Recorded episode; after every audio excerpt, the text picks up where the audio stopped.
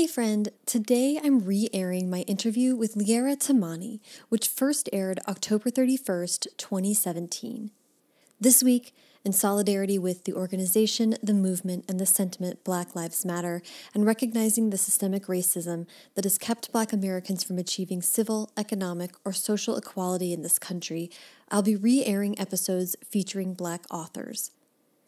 When I spoke with Liara for this episode, she was about to release her debut novel, Calling My Name. This week, she's back with a new book, All the Things We Never Knew. Visit the show notes of this episode for links to buy Liara's books and all the books she mentions from Black owned bookstores. Enjoy the conversation.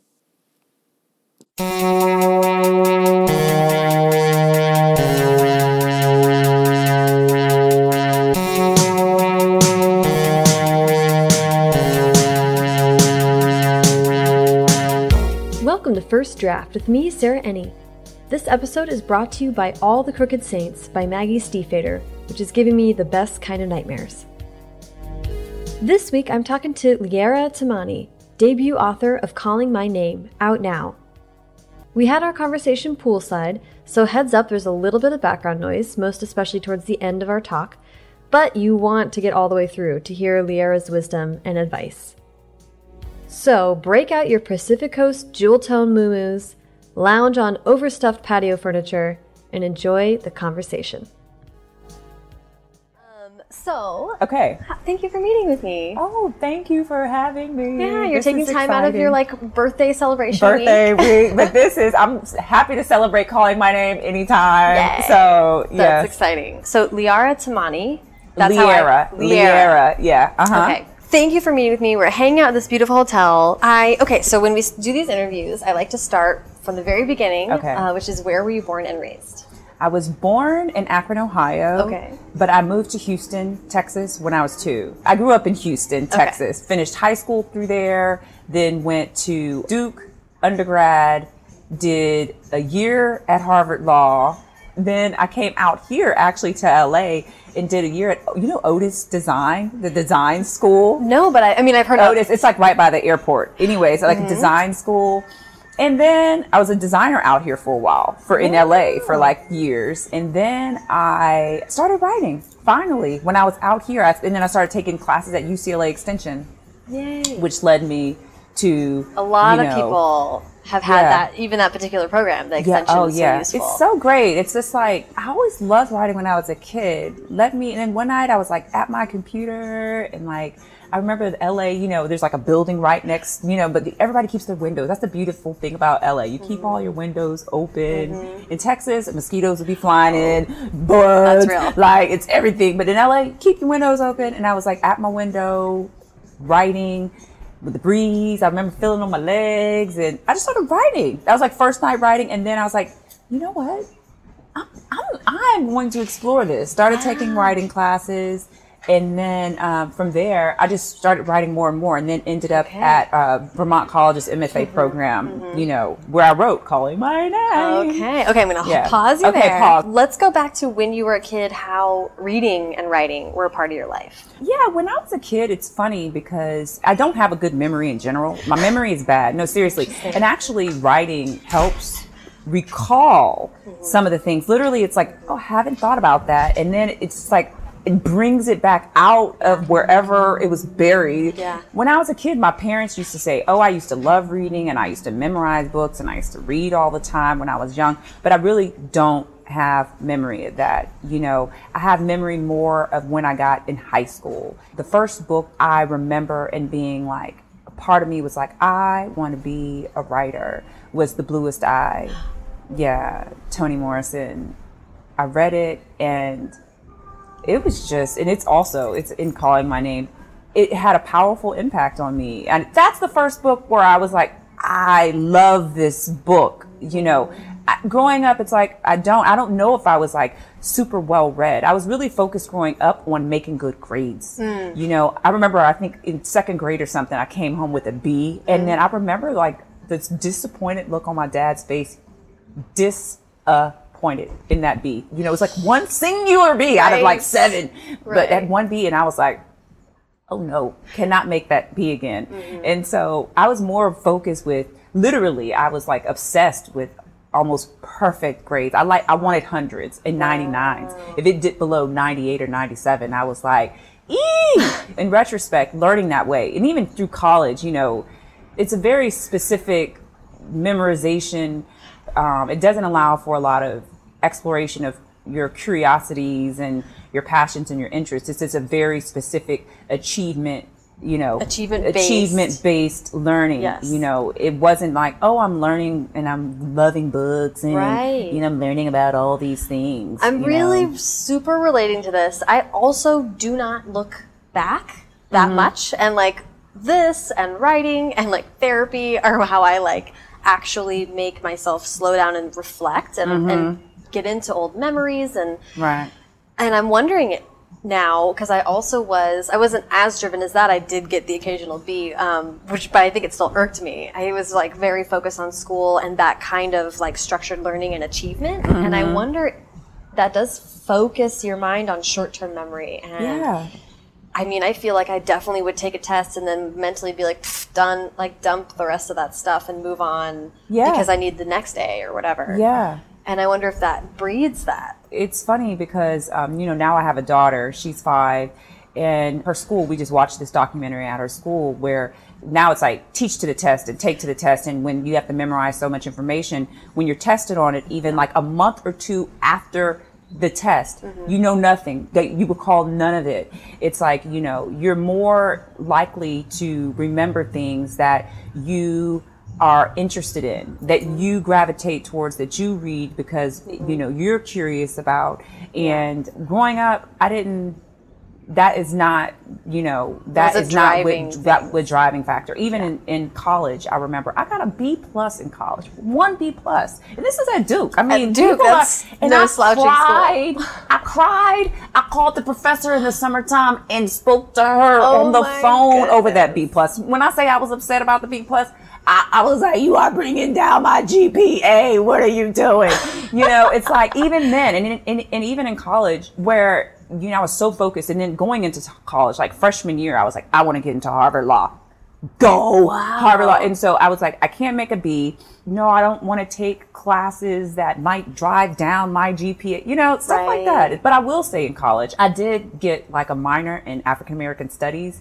Um, and there was a lot of African American lit that nourished me, you know, that nourished me. And that mm-hmm. also, I guess, nourished the writer inside of me. Mm-hmm. Yeah, if I did have that. was the spark. Yeah, yes, exactly. Totally. She was the spark. And I was always reading, you know, about the experience of a young black girl. And I, I've heard other writers talk about that. And I have, I really never thought about it. Not reading as a young child, you know, not finding books that spoke to you or that, you know, you can relate to. And I really never thought about, is that not the reason or was it academic dream? But that may be partially, you know, the books that spoke to me more and how I really got into more reading for pleasure were books by African American authors and the African American experience, you know. There is a lot of conversation about that now, and it's a disservice to people who would be voracious young readers if they knew Right. or saw that out there as something they could read or take in, Right. a reflection of their own experience. Exactly. Well, I'm interested in the, that you read The Bluest Eye in high school, and you did have that moment of, I want to be a writer. Yeah, I've always been attracted to language. Mm. Always. Mm-hmm. I've always loved language. The sound, the rhythm, you know, and I think that's one of the things about her as a writer. I'm like, oh. it's so beautiful. I mean- you know, just reading it is just so beautiful. So it's not only the, you know, a young black girl, it is beautiful. I've always liked to write. You know, maybe I wasn't voracious reader, but I love to write. I remember I got in trouble for it in college because I was a poli sci major mm-hmm. and all of my papers, my professors across the board for history classes, for poly, you know, and even my history class, it's like, let me do a paper on Phillis Wheatley, the first black poet, you know, woman poet. It was there. Like I found mm-hmm. ways to gravitate towards it. And they always wrote, this sounds too literary. It sounds too literary. I mean, I got that comment oh. all the time. You don't need all this language language here. Just be direct, go to the point. And so I always like to write. I always love language. I always love finding ways to express myself that were rhythmic and that had a sound to my ears. I like to read things back and like the sound. And so I, I think I was always a writer. And that stands yeah. out. Like when I, I was, under, I mean, I was undergrad for English, but it is funny when you're at, uh, like in any other class, they're like, here are the options for ways to like do a project, do whatever. And I was like, oh, the essay for sure, for sure, like exactly, obviously. yeah, obviously, yes, the essay. So uh, you were writing within the academic sense, but were you doing any poetry or were you doing any lyrics or anything like that on the no, side? No, okay. nothing. I didn't really do any creative mm-hmm. writing until I was in LA and I started, you know, I was on that law school track, law school track, law yeah. school track. And then I got to law school and I was like, I really don't want to do this. I mean, not even law school because I liked learning. So yeah. I could have been in school. Yeah. But law school was costing me over 60 grand a year. Mm-hmm. And then I went to go work in a law firm afterwards. And it was like a law firm in Texas and there was like a big explosion or something and I'm working to defend the the corporate. I was like, no, this is, it's just not for me. I don't like it anyway. My dad's an attorney. And so that is how I ended up there because he always say, wanted me to yeah. be an attorney. And I always was like, yes, I will be an attorney. Let, yes, right, right, yay, right. let's go this way. But when I finally got there and I achieved the ultimate Harvard law, Harvard law. you know, yeah, yeah I'm up in there, yeah. you know. I was like, uh, and then once you get in, I didn't want to go, but then once you get in Harvard Law, people are like, you can't say no. Yeah, yeah you gotta go. You gotta and so, but once I got there, I was like, um, no. And so it really took me getting out of that achieve, achieve, academic, academic, achieve mindset. And I had to work my way over creatively. First to get out, I went into marketing, but marketing. Well, wait, I want to ask about okay, this okay. moment of, of realization because this is so oh, interesting to me. Uh, do you know that Julie Buxbaum, uh, she's another YA writer and she also went to Harvard Law. Okay. Very interesting. She uh, went all the way and did practice law for quite some time, but was just so, it just wasn't right. You know, yeah. like she's obviously meant to be a writer and but it's so funny, you know, she had the same experience. She's like, I love learning. I love yeah. being in class. Yes. Like, like that experience was this kind of separate thing than the actual practice of law.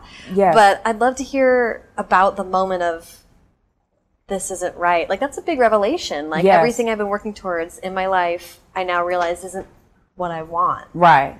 Yeah.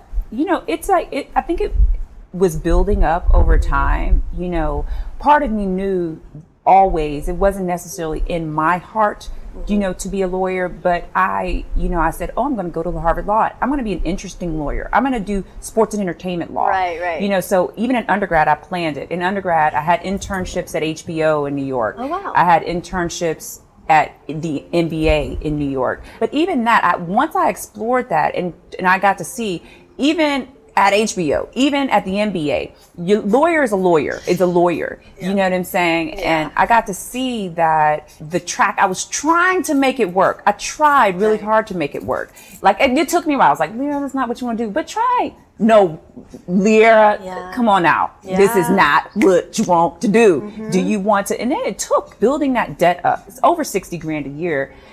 Literally, I started doing the numbers. If I stay more than one year, this is already one year I have that right. I'm paying, I have to pay this back. Right. Let me stay two more years. How many years will I have to be a lawyer mm-hmm. in order to pay my loan off before I can move on to something else? Oh. And I've calculated that number, and that number was seven. I remember seven years as a lawyer. Wow. Seven. Can I do this for seven years? The answer was a resounding no. Like, absolutely not. Yeah. And then I didn't want to be trapped yeah. You know, and I, I knew the importance of the decision, you know, mm-hmm. and no matter, I didn't care at that point, oh, Harvard Law sounds good or, you know, the prestige or the whatever. I didn't care about disappointing. It's like, no, this is my life. And it wasn't worth it to yeah. me, you know, so. Yeah, that's, that's very interesting, this moment of sort of, listening to your instinct in that really big way. Yes. It's scary. It's, yeah, it is scary yeah. because, pe- oh my gosh, I mean, boy, am I grateful for myself. You know, boy, yes, thank you, Liara. thank you, my earlier self, for doing that because who knows where I would have been if I would have stayed. That's like, a lot of doing something for the sake of feeling like you need to do it. Yeah, I would have made myself miserable. Yeah. You know, So how do you? I mean, that's and you're in Houston working at this law firm, realizing you do not want to be an apologist for corporations. yeah, you know, not even apology. It's get them off the hook. Let them pay as less money as possible to the victims or to whoever. It, you are working on behalf of them no thank you yeah no thank you i mean obviously there's directions other directions i could have gone you know one of my friends that i actually graduated from harvard law you know works for the naacp yeah. but my heart just wasn't in it in general and i had decided that before really but that was just it solidified my yes, decision like nail in the coffin. yes nail in the coffin. Good i'm out peace you know. How did you i mean what was guiding your thinking? Like what next? How did you think about that? So in undergrad i had worked for you know hbo and national basketball association. So my first thing was like let me go to the local national basketball association. So yeah. i worked for the houston rockets and comets. Okay. Yeah and i worked marketing. Which is to some cool. degree creative. Yeah you have to write little things. Come up yeah it, it was you know not creative enough obviously. Right because I was like, mm, you know, I think after a year, I was like, oh. I really like at that point, I had a very clear vision for my life. I don't even call it a vision. I knew I needed to be in New York or LA. Period. Really? Yes. I was like, it's New York or LA. Where am I going next? And you know, I picked LA because of the weather. Really. Had you been to LA before? I knew you did the internships in New York. No, I just knew that those were spaces that people create in. Mm-hmm. Always had some kind of like even in my book it's like some vision of california just turquoise skies blue freedom. Yeah. i just always had that vision of it. I started in la um, i just started with school because hey let's face it i knew how to do school. Yeah yep, yep for sure. I knew how to do it. And so that's i started at otis the school of design. And then from there i was like you know i really need to work um, so I started, I worked on the show Girlfriends, you know, for people, you really? know, you know, that not now Mara Brock Akil, mm-hmm. you know, I know the songs like my girlfriend. yes. There. Yeah. So, and I had an opportunity wow. to work for her, to work for that show. And then doing what? Um, production assistant. Okay. Just running. Doing the work that needs to get doing done. Doing work that needs to get done. Yeah. Exactly. And then, you know, I was in that design program and then I had another friend who got her master's from Pratt in New York, a design school, and her friend just got a master's, and they were starting a company in New York, an interior design company. Mm-hmm. And so I moved briefly to New York from California. Oh I moved briefly to New York to have that company with them. And it didn't work out, the company, but it did spark, hey, I can have my own interior design company. So I moved back to LA to do that okay. and have my own company. Okay. And I did that for a few years. And then while I was doing that is when I started writing, you know, and then it had taken the UCLA extension yeah. class. And then I love your story about the open window, having this uh, like moment. What do you think it was that clicked into place that just like gave you the bravery to do that? Yeah, it's the feeling. It's like I remember, you know, and my memory is not great, but I remember that moment. I remember like the breeze hitting my legs. I mm-hmm. remember how it felt to be writing, and really it felt like home.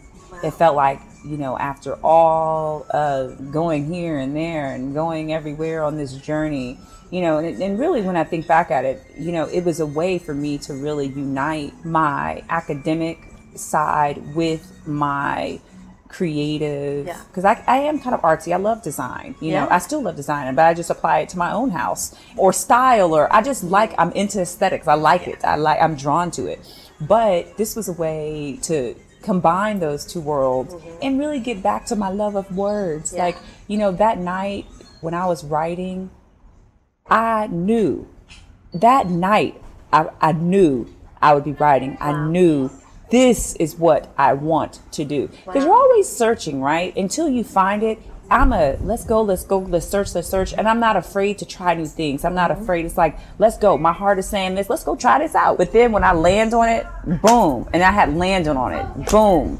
You know, and it was like clear, hey, you are here. Mm-hmm. You know, it's like home base, wow. you know from there it's like building yeah it's a, it's a good feeling it's yeah. like a good feeling to feel home yeah you know it's like in general in life you know whether it's home in terms of what you want to do with your life and you feel like home home with somebody in a relationship when they feel like home mm-hmm. it's like you know this is right right you know yes you we know get, we right. get so few of those moments yes so like celebrating Yes. Big deal. Yes. Um, Listening to them. It's, you know, yes. This is what I'm like really responding to the moments of this instinct that you go with. Like it's very brave to follow an instinct when you're like, you know, writing or leaving law school are both things that people would be like, what is that girl doing? doing.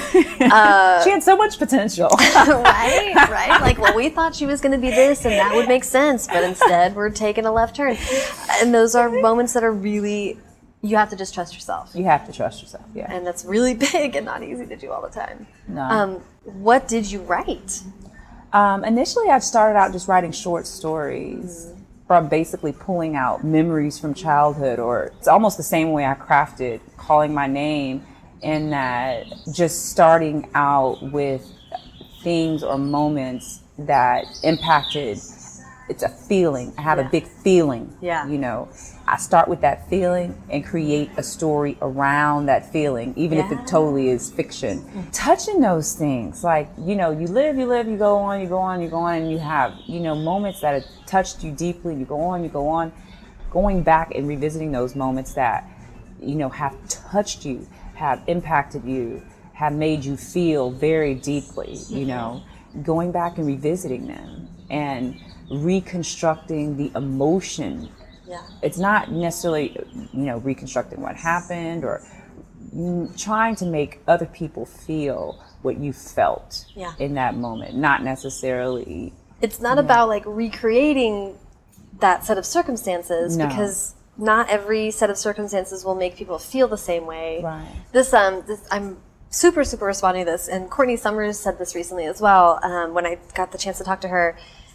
And it was kind of nice because I feel like I haven't always heard people reflect this back. But I think when I listen to a song or when I watch a movie, I'm left with something that's like, that really hit this one nerve, this Yes. one it, it left me with this Yes. thing and i'm like how do i build something that'll bring people to that place yes um, and it's hard but also easier to try to do that with your own stuff and to keep that feeling in mind and i don't know it's Yes. it's one of those ephemeral things things. yeah Mhm. but i love so short stories and kind of writing for feeling yeah i create even if it's like you know they're sometimes not even my own feeling you know if i'm close to somebody and they've shared a story with me you know emotion Yeah. it might and it impact you know even listening to their story and i've digested it in some kind of way Yeah. i might take that feeling grab that feeling Yeah. and you know recreate a story around that feeling Yeah.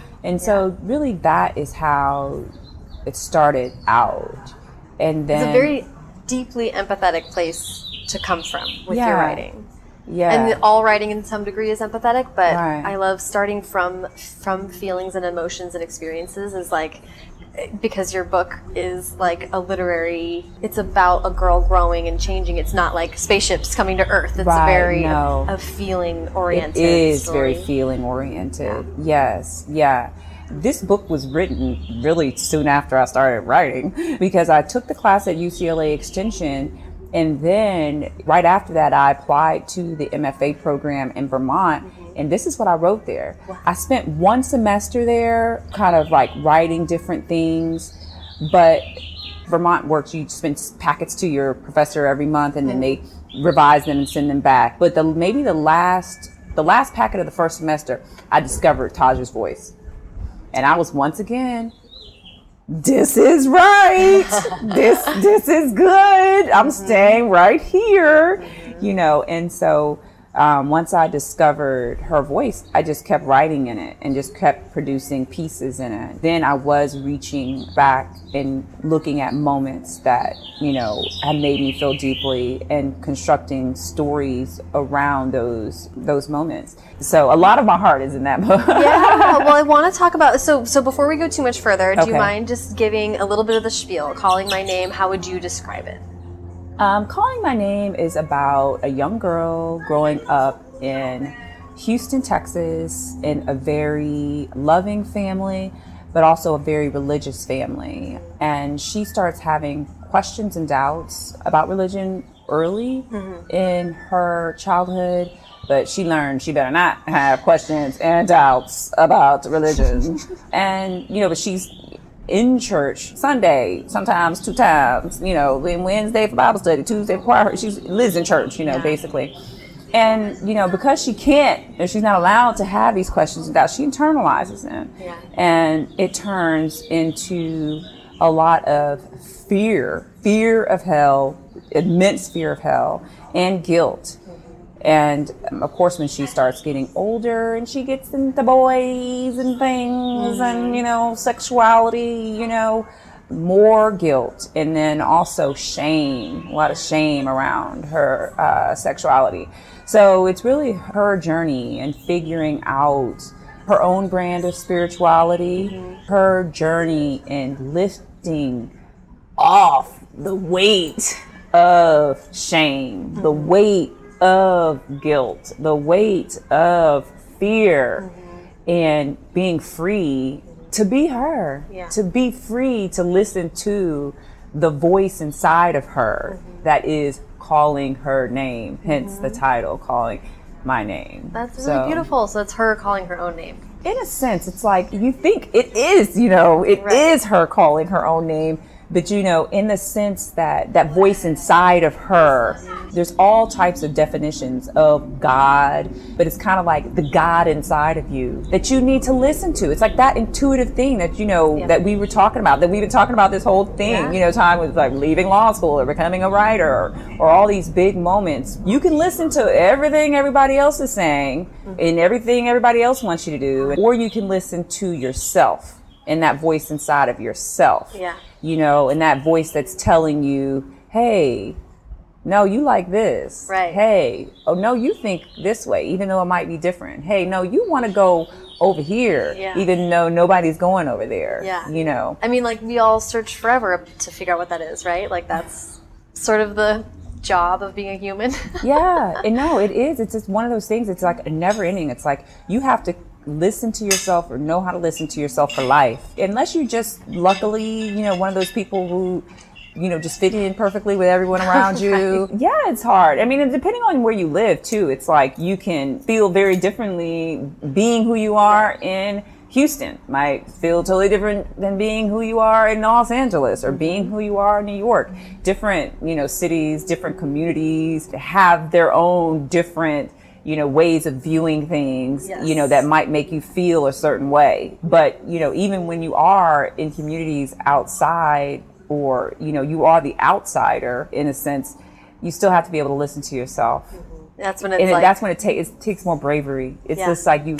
It just takes you know getting over that hump of what are people going to think? What are people going to say? But what are people going to you know worried about other people? You know, Mm-hmm. The and you have to worry stuff. about yourself, your own happiness. Yeah, okay. I love that it's written in like kind of vignettes, right? Yeah. shorter stories. short, short. hmm Harper's website calls them iridescent short chapters. And I was like, ooh, iridescent short Iridescent chapters. short. Hey, I'll take that. Did you come up with that? Or No, I did not. Someone in Harper's Marketing is a writer waiting to. Yes, but I'll take it. Yeah, it was Yeah. really like I was like that's so interesting. So I'd love to hear you talk about why the shorter form Mm-hmm. was your instinct and how you linked them. It's also unusual in that it covers her life over time. Yeah. How did this kind of structure come about? Okay, structure. Yeah, no. I think it came about partially because of my I love language. You know, I've never written poetry. I'm not a poet, but I love lyricism. I love language. And I would say two of the books that most heavily influenced the structure of this Sandra Cisneros. I adore that book. It uh, I mean, I, I just adore that book.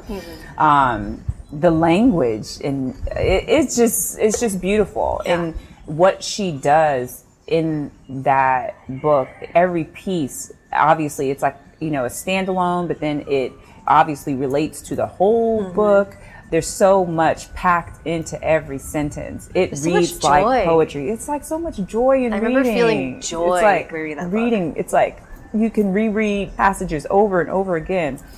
That and also Maud Martha, which Mm. is featured also. Um, it's like the first opening quote of the book is from Maud Martha by Gwendolyn Brooks, which is like a book. It's like I hope everybody goes out and gets that book. It's a book that nobody really talks about, but it's a beautiful little book, also written in vignette form, mm-hmm. but amounting to a novel. And also, these are poets. These yeah. are these are poets. These women right. are poets, right. amazing poets, and how the poetry translates in their prose is just beautiful. It's inspiring, and that was what I was most inspired by by reading this. Even Patricia McCormick, Sold, she wrote a novel Sold, which is like that is another one written in beautiful, beautiful prose. Uh, I mean, lyrical pieces. Mm-hmm. But I guess I'm more attracted to those small, those smaller pieces. It feels very distilled. It, yeah. When you're going after, when what you're going after is a feeling. I mean, it's it strikes me as it is right. like like you were describing it as like pulling memories.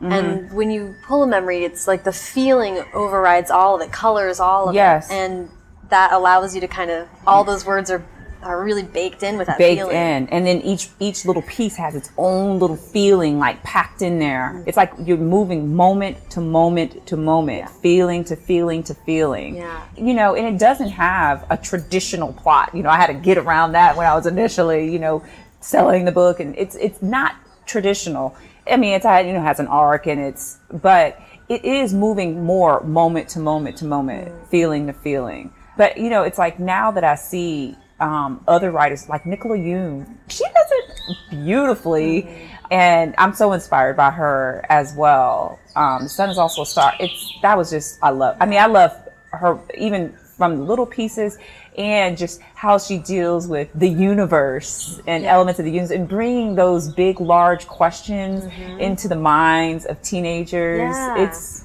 yeah. that is a beautiful thing. So you're in the master's program. Okay you find her voice mm-hmm. and it starts to come at you in these short stories. Yes. It's interesting to me that you are writing a very kind of a little bit of an unconventional type of book. Yeah. How did within that program how did they talk about how you could shape it and how is it t- trying to sell this book being kind of a quiet unusually structured project? Well in um, the program I just focused on pieces by piece. Mm-hmm. It wasn't until the very end I was like, wait, this is a book, you know, let me start filling in the holes mm-hmm. and and then, you know, a lot of my teachers encouraged me just diversity. Like the first version of this book, you know, had past tense, it had present tense, a lot more shorter chapters. It had just more, it kind of tamed it, kind of, you know, for, the publishing world. I mean, the academic world is a lot more less concerned with selling. You know, True. it's like yeah, let's make this as beautiful as possible. Mm-hmm. Let's just, you know, and so, and so that's what it was. And then it was like, okay, okay, I have to sell it. Okay, well, let me change this and do this and do this, mm-hmm. you know, to make it more sellable. How did that, yeah. did that feel bad? Was that okay?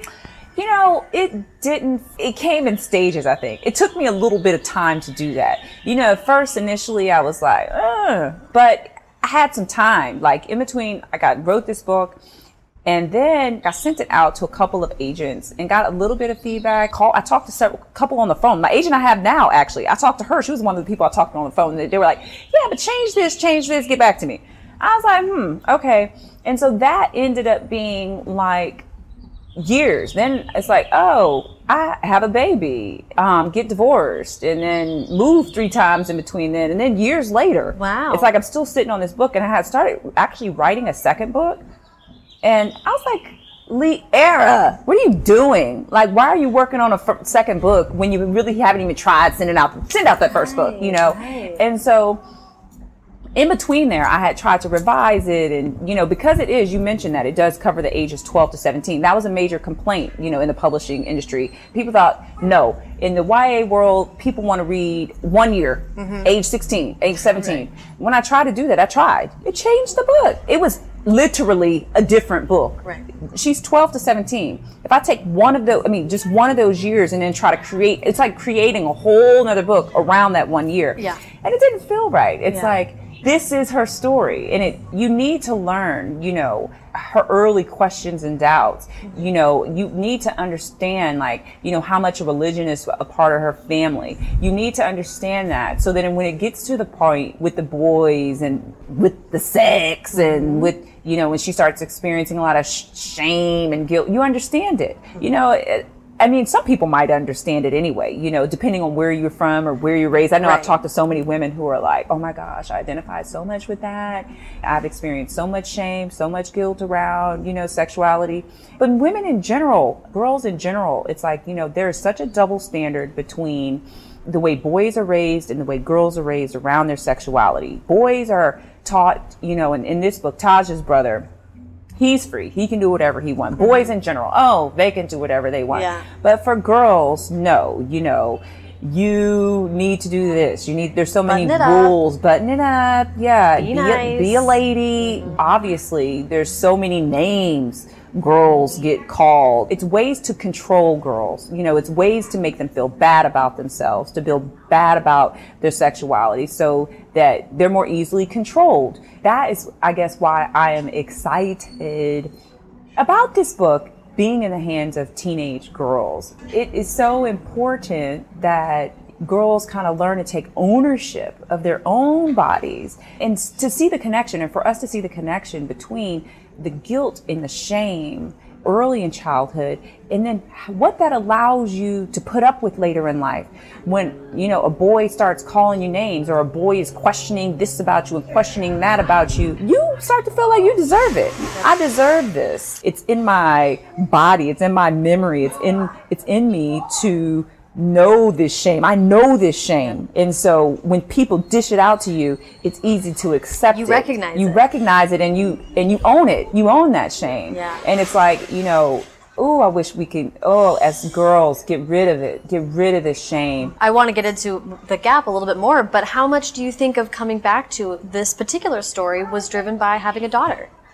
I can't say that coming. I can't say that it was because it, the book was really written before she was born. Mm-hmm. You know, it's more so born out of my own experiences with shame and guilt around sexuality. Right. Not only when I was younger. I remember I lied about having sex. I had sex in high school like at 17.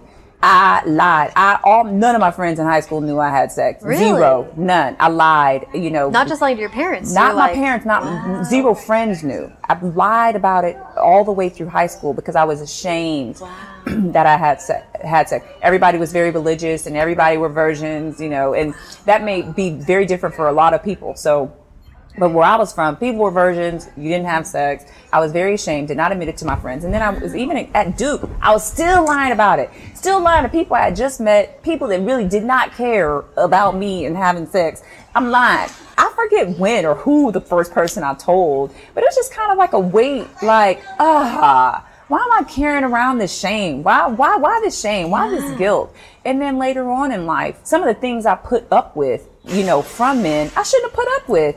But, you know, when I think back of why I put up with it, it was in me, you know, to think they had a right to feel a certain way Yeah. about what I'm doing or, Yeah. you know, about my past. Guys or boys do not have ownership of girls' bodies. But it's like, you know, you have no right to question. You have no right. And it doesn't go both ways. No. You know, That's so. so wow, that's yeah, that's amazing. I lo- I agree with everything you just said, and I'm guessing that the religious aspect of this book is also a reflection of your personal experience. Yeah, I, like Taja, the main character, grew up in a very religious and loving household.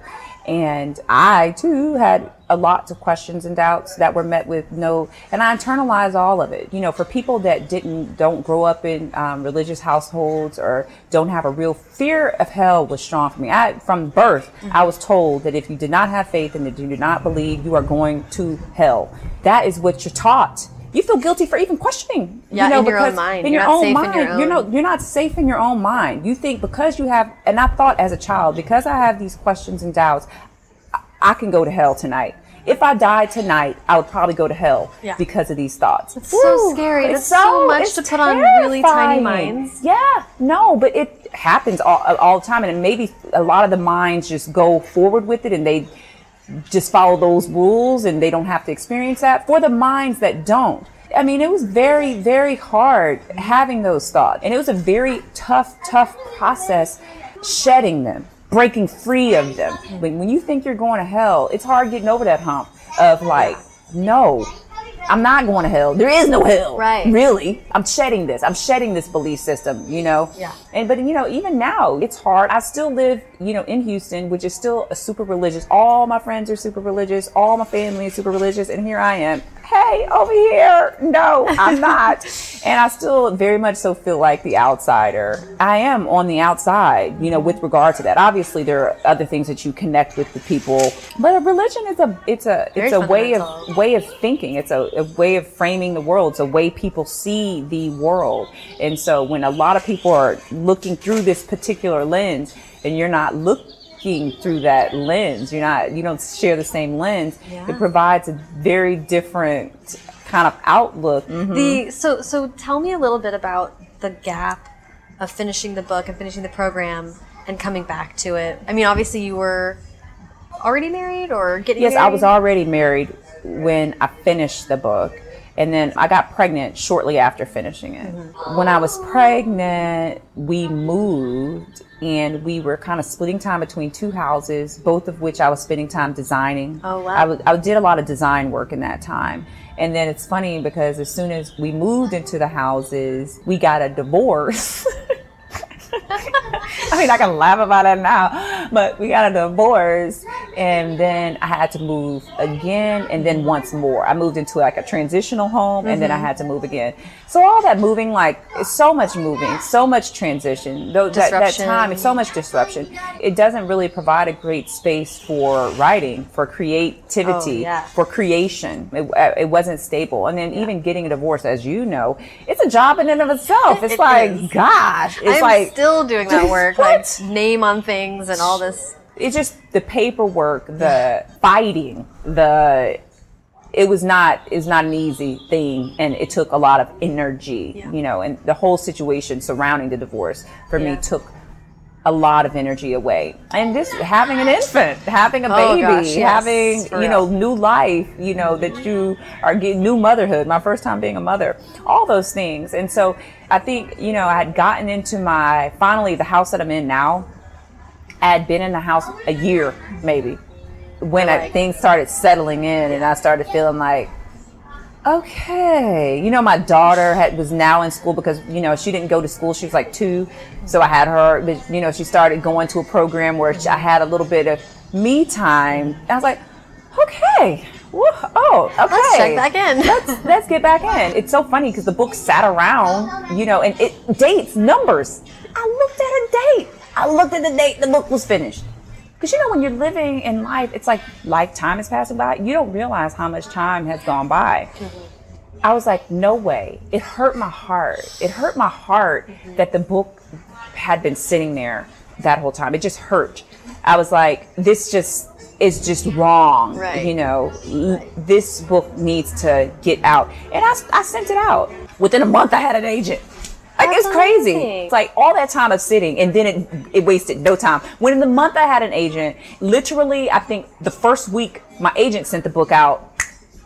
It's kind of like this like pent up energy. energy and it's in like the book. right boom and it ha- okay okay okay and then it happened it happened so fast That's so interesting. Yeah. When you saw the number and you were like, it's time to get back to this, Mm-hmm. was there revision left or were you like, it's yes a little bit like i looked back at the agents that i had talked to like years and years ago you know made a compromise with some of the things that they wanted me to do i was like she's not going to be one age that's Right. not happening Right. but i can do these other things let's make it all present tense instead of mixing it up i added a few stories Yeah. you know a, a few pieces here and you there but the clarity of time. Always, I think, you know, Yeah. the, the best editor is time, right? The best editor is time. and sometimes, you know, when especially when you're changing thing and you're so attached to, Yes. you know, your work, Yes. sometimes you, you need a little bit of time and space and distance between you and it to come back and think, hey, now, okay, this is how it was, but let's see how it can be different. Yeah. You know, let's see how, you know, we can make it a little better. It's so interesting to me. This is such a uniquely personal book. It seems almost like this scrapbooky kind of really personal. How do you think about moving to the next project? Are you excited to try something totally different? Did Yeah, you- I'm already working on my ne- my book too. I'm already working on, and I love it. It took me a while to find that thing you love. I probably, you know, started a million versions of book two, but when I landed on this one, I was like, and we got it, people, and we got it, folks. This is it. And so, no, like, yeah, the first book is really personal and it's very different in the way that it goes moment to moment. The second book is also moment to moment, but it's alternating, Oh, yeah, perspectives from girl to boy, and it is fast from the very beginning. You know, I wasn't always in this YA world. You know, Right. when I studied at Vermont College, I didn't study in the young adult program. I studied adult fiction. And, Mm-hmm. and when I was writing this book, I read adult fiction. I'm really just, I'm new to the YA world. Like, Yeah. hey, YA, it, it, it very different feels. After reading now lots of YA, I have a better feel kind of for it. It's a fun book and it doesn't have, yeah, in the first book, I deal with so many things that I think are important to teenagers. Teenagers are really trying to figure out the world, you know, figure out the universe, figure out, you know, where they are in it and how it all works. And they have so many questions. And I think questioning is so important. We're not going to get into politics, but with the political climate that we are in now, part of the problem and the reason that we're in this situation are there's too many people out there not questioning adopting a certain mind frame and listening to what people say without questioning Yeah. is a problem. Lack of know, critical thinking. Lack of critical thinking. No, you need to be able. Somebody tell you something. Huh? Does this make sense? Huh? What do I think about it? Yeah. How can I verify? How can I check? A lot of What people do- are ha- passing on the smell test. it's like you need to like. It's like Yeah. you need to figure it out. And so, and this book is about that thinking for yourself. Mm-hmm. At a certain age, of course, you know, you have to obey your parents and things, but you may not always agree with your parents. Right. And that's okay. It's okay to listen to that voice inside of yourself. Mm-hmm. It is okay. It's actually more than okay. It is vital. It is important to listen to that, to that voice inside of mm-hmm. yourself. And so this book not only is so much of my heart in it, I'm excited for teens to read it. I'm excited whether it helps them if they're in a family or in a community where they feel or think differently than that community and they are having problems. There are plenty of teenagers dealing in families, in communities where they want to go one way and their families don't think, or even adults. Still, adults have problems with Oh, yeah. this. You know, going their families thinking they should go one way and they go another. But in teenagers, obviously, it has more weight. You know, you have less of these skills. You know, Yeah. For them, for people following their hearts, for girls out there, you know, teenage girls who have experienced shame around, you know, and boys too, but more so girls. I mean, we could just admit it. Girls experience a lot more of it than boys. Yeah. Shame around their sexuality. I love the fact that this is a may be helpful. Mm-hmm. If I would have had this book, and that's why I wrote it, right. you know, if I would have had a book like this when I was growing up, oh, I would have had a much, much easier time. I suffered. I suffered a lot as a child in my own head. I suffered because of my thoughts and Yeah. thinking I'm wrong, thinking I'm going to hell, thinking all these things. And if I would have had a book like this growing up, it maybe it, it would have lessened that suffering and, and allowed me to say, hey, it's okay to have these thoughts. It's okay to think differently. It's Yeah. okay, you know that's that book. But you know, with the second book, it's just fun. Like you know, it also touches on issues. Like because I think you know, as, as a writer, I'm always thinking about feelings, and I'm always feelings are always coming up, and I'm always constructing around my feelings. You know. And other people's feelings, and that is the way I construct. Mm-hmm. But you know, with the second book, I'm more conscious, I guess, about making it fun. Yeah. You know, filling a different space, and I want to be in a different space. I'm always going to be myself, but since I've written this book, I've evolved as a person. You know, I'm not in that same space, and so this second book is going to be kind of in the space I am now. Yeah. You know, it's, reflective of that. It's interesting too, and I've and I've talked to a few people about this. Like your particular journey with this book is so funny. You're almost like now being asked to talk about it and to represent it. It's like you're kind of this like time traveler. Yeah, like going back. channeling your past self. yes, which, Yes. which of course, as you say, is still you. But God, you know, we're if we don't evolve, then we're then we're dead. Then, yes, So- exactly. But it's it- but the unique thing about authors and what we're asked to do is to speak about your former self in some way. Yes, speak about the former self that wrote that book, you know. And so this was written, it's like almost now, I think I finished it in 08.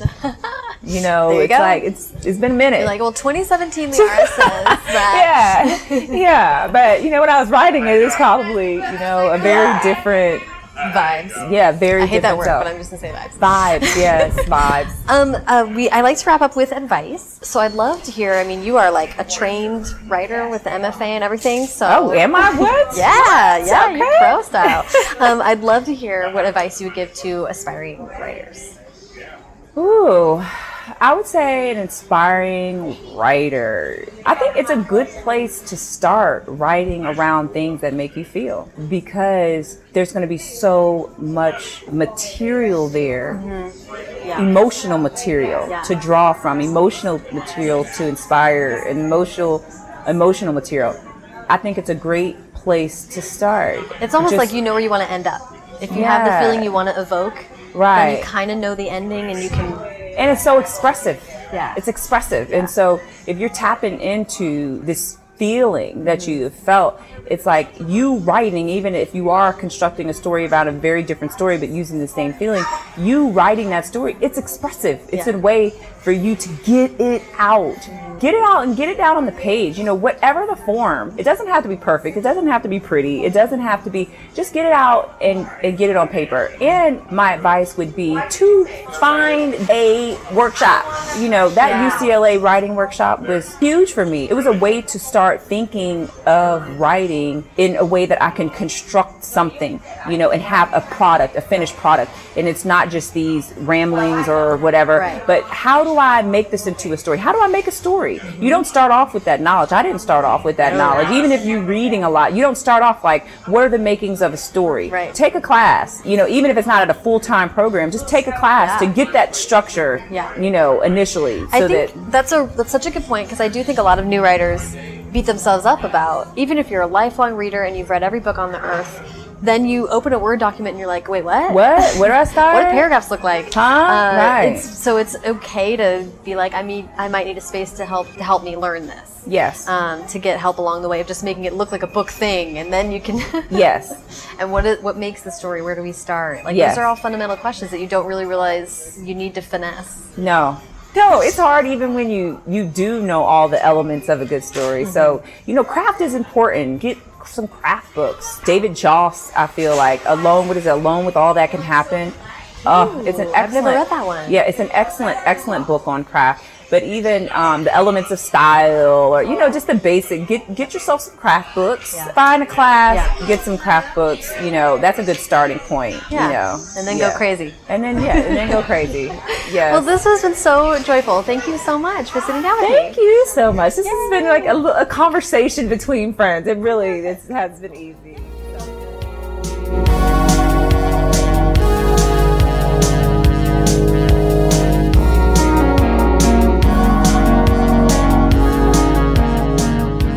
So much to Liara. Follow her on Twitter at Liara Tamani and follow me at Sarah Enni and the show at First Draft Pod. You can follow the show on Instagram and Facebook too, but for links to everything Liara and I talked about in this episode, as well as a searchable archive of previous interviews and to sign up for the First Draft newsletter, be sure to check out firstdraftpod.com. Again, if you have any burning questions you'd like to hear me and or some other author friends address, send them over in an email to questions at firstdraftpod.com. If you like what you heard, please leave a rating or review on iTunes. Every five star review brings me closer to moving past all guilt and shame. Thanks to Hash Brown for the theme song, and to Colin Keith and Maureen Gu for the logos. Thanks to super intern Carter Elwood and transcriptionist at large Julie Anderson. And as ever, thanks to you, optimistic seekers, for listening.